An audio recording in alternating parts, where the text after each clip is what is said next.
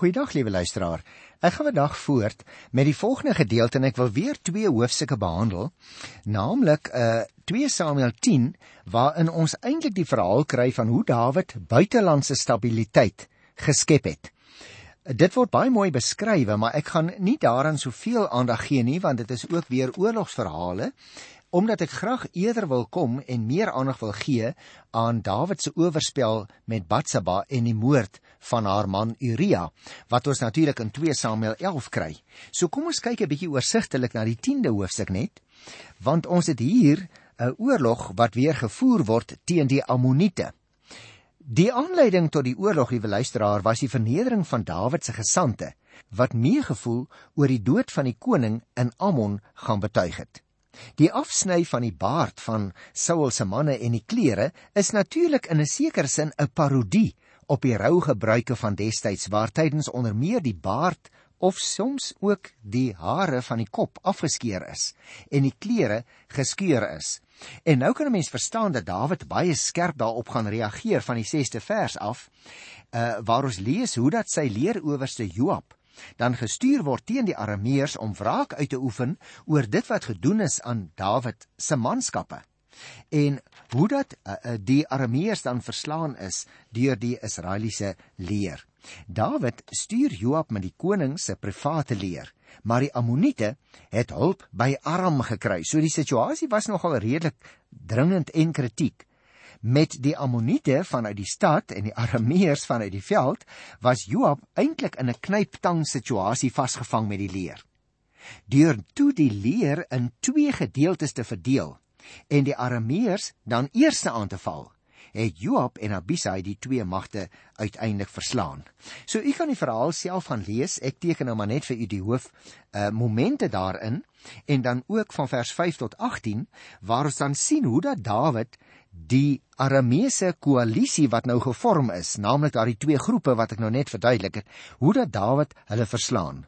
Want die Arameese state het toe nou gehergegroepeer hier in vers 15 tot 18 en hulle het hulp van oorkant die Eufraat rivier afgekry. Met ander woorde, daar kom hulp ver uit die noorde want die Eufraat is natuurlik baie ver van wat ons ken as Palestina. Nou hierdie keer het Dawid die burgermag ook opgeroep en die Arameese koalisie is verpletterend verslaan. En daarmee is die Arameërs dus nou ook mense wat belastingpligtig geword het aan koning Dawid. U kan gerus uh, die uiteensetting en die detail bespreking gaan lees van hierdie geveg. Maar ek wil nou oorgaan na die volgende afdeling wat uh, hier by hoofstuk 11 begin. En u sal dalk onthou, liewe luisteraars, ek het gesê ons kan die boek 2 Samuel in 4 groot afdelings indeel. Nou hierdie 11de hoofstuk in 2 Samuel is eintlik die eerste hoofstuk van die derde groot gedeelte. En in hierdie hele derde gedeelte van 2 Samuel handel dit oor huislike probleme. Huislike probleme wat uiteindelik staatsprobleme geskep het op die lange duur. Maar goed, kom ons kyk hier na die 11de hoofstuk want dit is seker 'n baie bekende hoofstuk vir ons almal waar Dawid oorspel gepleeg het en uiteindelik ook moord gepleeg het. Kom ons lees die eerste versie. In die lente, die tyd waarin die konings gewoonlik optrek om oorlog te maak, het Dawid op 'n keer vir Joab en sy soldate in die hele Israel uitgestuur. Hulle het die Ammoniete verslaan, Rabba beleer, maar Dawid het in Jerusalem gebly. nou liewe luisteraars, dit lyk vir my dit is juis hier waar die probleem begin het. Dawid het alleen by die huis gebly, sy leer is in die veld teen die vyand uitgestuur. Die tweede versie sê: Eendag het hy na sy middagslaapie opgestaan op die dak van die paleis gaan rondstap. Van die dak af het hy 'n vrou gesien bad. Sy was 'n baie mooi vrou. Dawid het oor haar navraag laat doen en iemand het gesê: "Dit is Batseba, die dogter van Eliam, die vrou van Uria die Hethiet. Dawid het 'n amptenaar gestuur en laat haal. Dit was nadat sy haar reinigingsbad geneem het na haar maanstonde. Sy het na hom toe gekom en hy het by haar geslaap. Daarna is hy huis toe. Nou as ek 'n prentjie mag teken, liewe luisteraar, kan jy die prentjie voor jou gees is oog teken? Dawid staan na die middagslaapie op. Hy stap op die platdak van sy paleis rond. Hy kyk o aarde hier in die groot dam wat ons nou vandag sou waarskynlik noem 'n swembad langs die luukse huis van sy buurman. Hier swem sy buurvrou. kaal in die swembad. En hy merk haar op. Hy laat dadelik navraag doen en hy nooi haar na sy huis toe en dan vind daar 'n buiteegtelike verhouding plaas wat begin en wat later sal voortgaan. Nou natuurlik, liewe luisteraar, hiermee is hy besig om die wet van die Here te oortree. Daar bestaan geen rede om te dink dat Batseba die koning uitgelok het nie. Ons kry nie daardie inligting hier nie. Sy was die vrou van Uria, een van Dawid se dapper helde, nogal lid van die sogenaamde 30-tal dapper manne. Ons lees van hulle in Hosea 23 vers 39. En hierdie Uria was 'n afstammeling van die Hittite wat teen hierdie tyd lankal opgehou het om te bestaan. Nou word daar herhaaldelik na hom verwys as die Hittit omdat sy optrede met die van die Israeliet Dawid gekontrasteer word in die verhaal. Die vermelding dat dit 'n reinigingsbad na haar maanstonde was, is 'n bewysvoering dat die swangerskap nie van Uria kon wees nie. Aangesien hy intussen nog nie tuis was nie, dis duidelik dat Dawid eintlik maar net sy luste wou bevredig. Nou kom ons lees hier van die 10de vers af. Hulle het toe vir Dawid gaan sê: Uria was nie huis toe nie want jy sien hulle het nou vir Uria die in gesê dat die koning hom wil sien.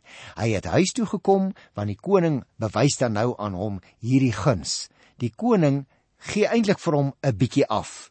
En nou kom hierdie man huis toe. Maar ons lees uh, daar in die 5de vers alreeds dat ehm uh, Batseba swanger geraak het. Vir Dawid laat weet dit ek is swanger. En toe het Dawid 'n boodskap na die slagveld toe gestuur en gesê: "Stuur die Hetit 'n bietjie hiernatoe." Want uh, die koning wil hom nou sien. Maar baie interessant, liewe luisteraar, hierdie Uria moes 'n baie goeie man gewees het, want as jy die verhaal gaan lees, dan sal jy sien hoe dat hy gekom het. Hy het nie die koning dadelik gaan sien nie.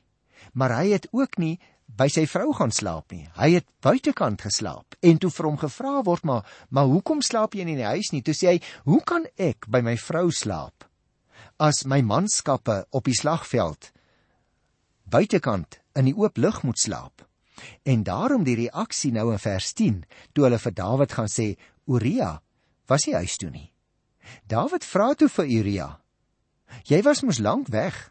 Waarom gaan jy nie huis toe nie? En dan gee hy hierdie pragtige relaas van hy voel dit sal nie billik wees om by sy eie vrou te gaan slaap as sy manskappe in die veld is nie.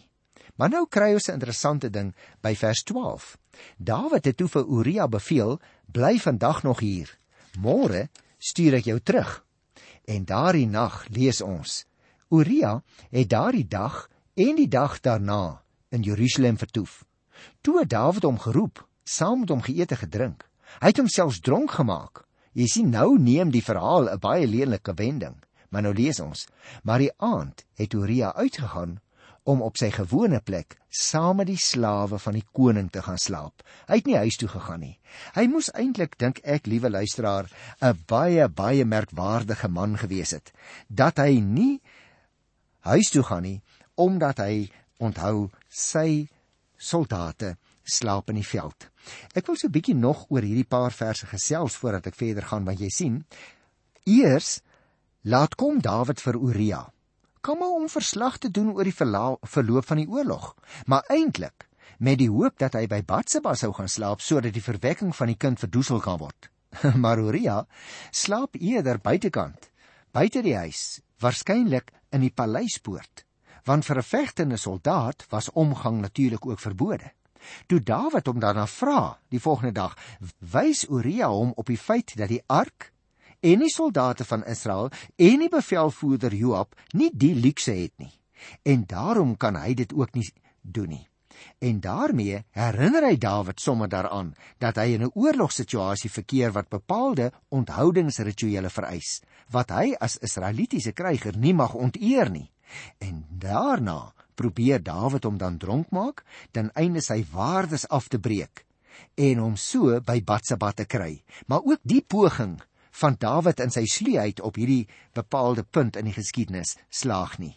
Nou moet ons onthou op hierdie manier word die twee baie skerp teenoor mekaar gestel. Uria wat van Hittitiese afkoms was en wat lojaal is nie net aan die Here nie, maar ook teenoor Dawid, die ras-egte koning van Israel wat nie huiwer om God se bepalinge te oortree nie. Kan jy dit glo? Hierdie geweldige teenpool tussen hierdie twee manne. Die Bybel sê daarmee: jou afkoms, jou verlede, jou stand is nie bepalend vir die kwaliteit van jou geloof en vroomheid nie, hoor. Liewe luisteraar, dit maak nie saak wie jy is nie, maar die eise van die Here geld vir gewone man, vir belangrike man, vir hoë amptenaar. Niemand is uitgesluit as hy die woord van die Here as die riglyne vir sy lewe elke dag wil aanvaar nie. Jy kan deel wees van die kerk. Jy kan selfs 'n leidende rol in die kerk speel en nog steeds die grofste oortredinge begaan. Andersins kan iemand van twyfelagtige afkoms 'n vroomheid openbaar wat vir ons ander wat voortdurend in die skaduwee van die Here lewe tot voorbeeld kan wees. Nou as ons hier kom van die 14de vers af, dan moet jy oplet. Die volgende oggend het Dawid 'n brief aan Joab. Nou onthou nou, Joab is Dawid se leeroowerste in die veld. Volgende oggend het Dawid 'n brief aan Joab gestuur saam met Uria. In die brief het hy geskryf: "Gee tog aan Uria plek op die voorpunt waar die geveg kwaai is." As ek dit nou in ons terme moet sê, liewe luisteraars, wil ek weer 'n prentjie teken. Hy stuur as dit ware 'n faks. En die faks is geskryf op 'n koninklike masjien met 'n briefhoof en hy sê vir sy generaal: "Hoor jy sit hierdie manskap van ons, Uria, sit hom in die voorste linie. Dalk tref 'n bom hom." Van Dawid is van voorneme om van hierdie man ontslae te raak. Ons lees die 16de vers sê terwyl Joab die stad beleer, het hy Uria op 'n plek gesit waar hy geweet het daar is dapper teenstanders. Met ander woorde, liewe luisteraar, ons het hier 'n baie hartseer verhaal van die ontrou van 'n koning wat dit dan probeer toesmeer en nou is hy besig om die dood van Batseba se man Uria te beplan. In sy desperaatheid gaan Dawid van stap na stap erger na erger. Uria word die draer van sy eie doodvonnis. Joab word 'n samesweerder in die saak en sorg dat Uria in 'n geveg beland waar die afdeling soldate baie na aan die muur gekom het. Dit het natuurlik die boogskutters in staat gestel om op hulle te skiet en Uria sneuwel in die geveg. En dan kom ons hier van vers 19 af. Uria het sy boodskappers beveel: As jy vir die koning die verloop van die geveg klaar vertel het en as hy net begin kwaad word en vir jou sou vra, Waarom het julle so naby die stad gaan veg? Het julle nie gedink aan die mense wat bo van die muur af skiet nie? Wie het vir Abimelek die seun van Jebereset doodgemaak? Is dit nie 'n vrou wat 'n maalklip bo van die muur af op hom gegooi het nie, sodat hy in Tebes gesterf het? Waarom het julle so naby die muur gekom? Dan moet jy sê: Ook u manskap Uria die Hetit het gesneuwel. Jy sien liewe luisteraar, nou begin die leeroowerste ook saam speel in hierdie donker spel waarmee koning Dawid besig is. Om te sê julle moet eintlik 'n ander rede gaan noem hoekom hierdie man dood is. Ek sou daarop nog so bietjie wou uitbrei om net vir jou te wys daarop liewe luisteraar dis strategies dom. Baie dom om te naby aan 'n beleerde stad se muur te kom En Joab is bang dat Dawid hom daaroor gaan teregwys. Immers, die geval van Abimelek wat hier te sprake is in die Bybel, wat te naby gekom het aan 'n muur en toe deur 'n vrou doodgemaak is. Jy sal die verhaal onthou. Ons het dit behandel daar in Rigters 9 van die 50ste vers af. Dis 'n bekende verhaal aan hierdie mense. En daarom moet die boodskap die feit dat Uria dood is as 'n troefkaart aan Dawid voorhou. Hierdie terugkyk in die geskiedenis deur die Bybelskrywer word nou eintlik 'n beeld van 'n ander vrou, naamlik Batseba, wat 'n koning, naamlik Dawid, se ondergang bewerk omdat hy van bo af, as ek dit so kan uitdruk, vanuit 'n magsposisie te naby aan haar, Batseba, gekom het. Net soos daardie man destyds te na aan 'n muur gekom het. Natuurlik is die verwysing na Abimelek Joab se eie veronderstelling, waardeur hy sy eie gewetenskwellings openbaar. Hy projekteer met ander woorde sy eie gevoelens op Dawid en dit maak sy eie gevoelens hanteerbaar vir hom. Aangesien hy daardeur homself van die saak losmaak en so stomp hy sy eie gewete af tussen hakies. Projektering, liewe luisteraar, van jou en my skuld op iemand anders is 'n metode wat ons dikwels volg om ons skuldgevoelens te probeer ontsnap. maar dis 'n illusie hoor. Daar is net een manier waarop 'n mens van skuld bevry kan word. En dit is wanneer jy dit bely. En wanneer jy verzoening ontvang van die Here op grond van die soenverdienste van die Here Jesus Christus. Maar kom ons kyk verder na hierdie donker verhaal. In vers 22 lees ons: Die boodskapper het vir Dawid alles gaan vertel wat Joab hom beveel het. Hy het vir Dawid gesê: "Die vyand het dapper teen ons geveg. Hulle het tot aan die oop veld na ons toe uitgekom en toe ons hulle tot by die stadspoort terugdruk, het die boogskutters van bo die muur af u manskappe begin raak skiet. So het party van die koning se soldate gesneuwel en ook Uria die Hetit het so gesterf. Met ander woorde, hierdie vooropgestelde plan om hierdie man dood te kry, dit slaag nou. En dit bly voortbestaan as 'n leuen in die oog van die soldate. Hulle begryp nie eers wat gebeur het nie, maar die koning weet daarvan, die generaal weet daarvan, die manskappe wat die boodskap moet terugdra na koning Dawid toe, o, hulle weet ook daarvan. En daarom as 'n mens na hierdie verse kyk hier van vers 22 af, dan moet ons agterkom en raak lees in die teks. Joab was onnodig bekommerd. Dawid was net begaan oor Uria. Sy dood het Dawid se eer gered. Ewe skyn heilig stel hy Joab nou gerus met 'n onbetwisbare stelling. Ongelukkig eis oorlog mense lewens? Hy probeer met ander woorde die saak maar net so afmaak.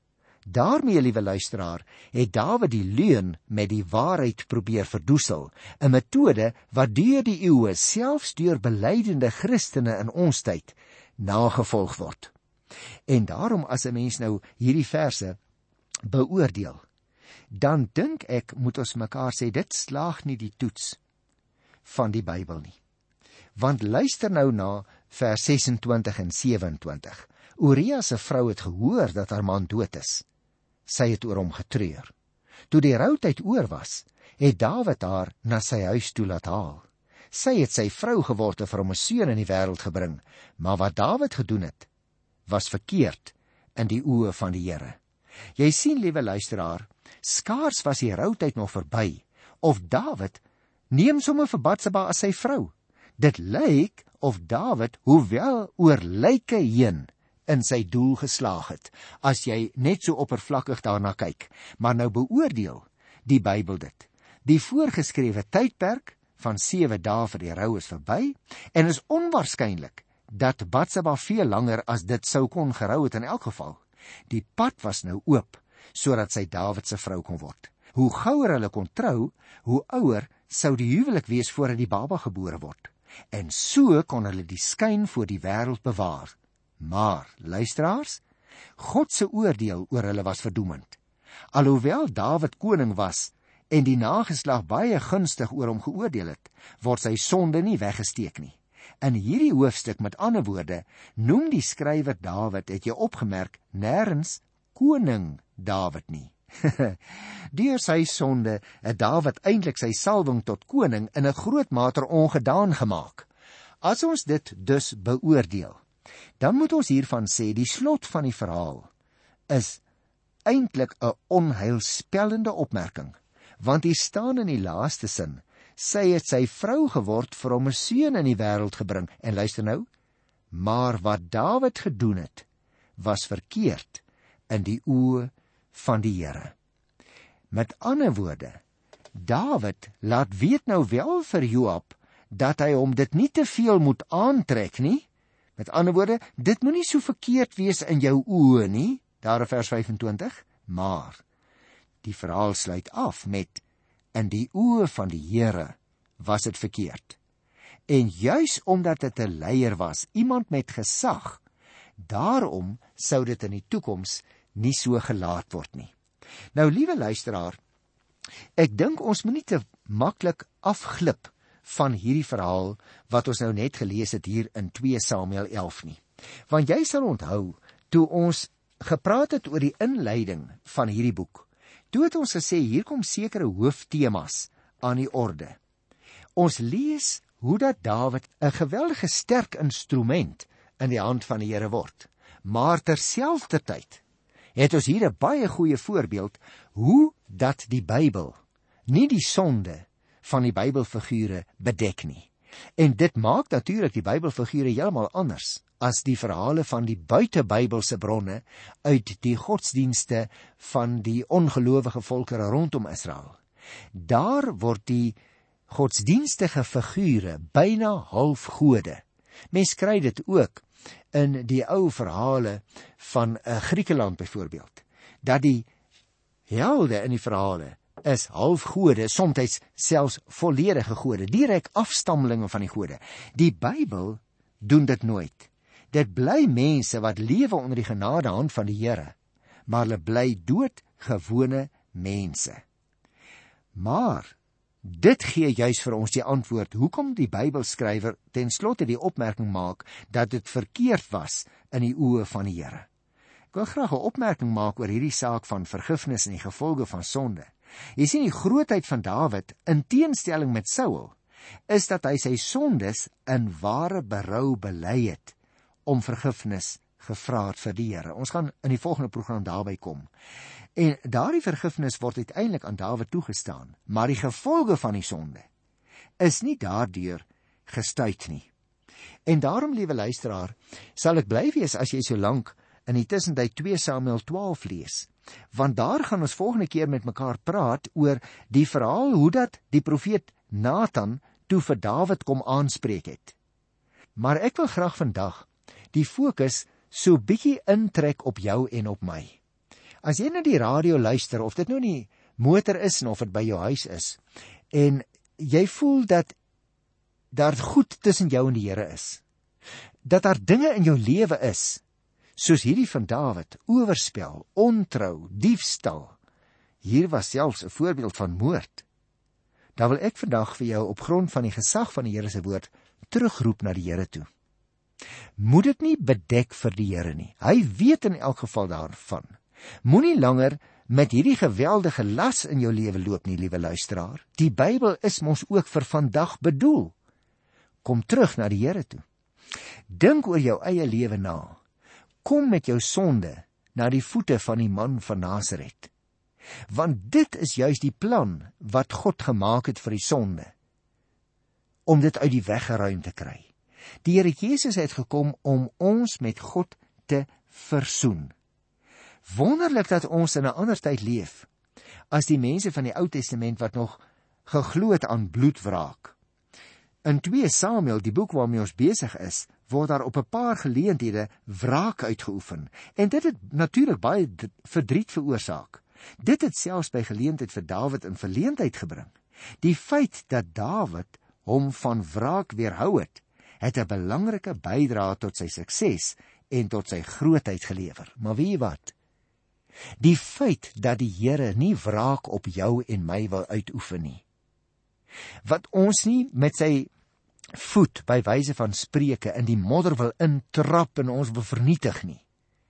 Dit het vir ons die lewe moontlik gemaak. Daarom mag jy en ek met wat die aard van ons sonde ook al is, na die Here toe terugkom en hy is gereed om ons te vergewe. Die dinge wat ons gedoen het, moet ons voor hom bely. Ons moet dit nie wegsteek nie, ons moet dit by die naam noem. Want God het sy wraak op die Here Jesus laat neerkom sodat jy en ek vry kan uitgaan. Maar dit help nie dat ons dit hoor nie. Dit help nie dat ons dit weet nie. Dit help selfs nie dat ons dit glo en ons bely dit nie. Daarom wil ek vir jou vra, liewe luisteraar, wie jy mag wees, wat die las is wat jy dra. Bring dit vandag soos 'n groot bondel vuil wasgoed in 'n swart sak en sit dit aan die voete van die Here Jesus neer. Dit is juis oor hierdie groot saak van die vergifnis dat ek volgende keer so bietjie in detail meer gaan uitbrei. En op daardie positiewe noot groet ek jou dan in die wonderlike wonderlike naam van Jesus Christus, ons wonderlike Here. Tot volgende keer. Totsiens.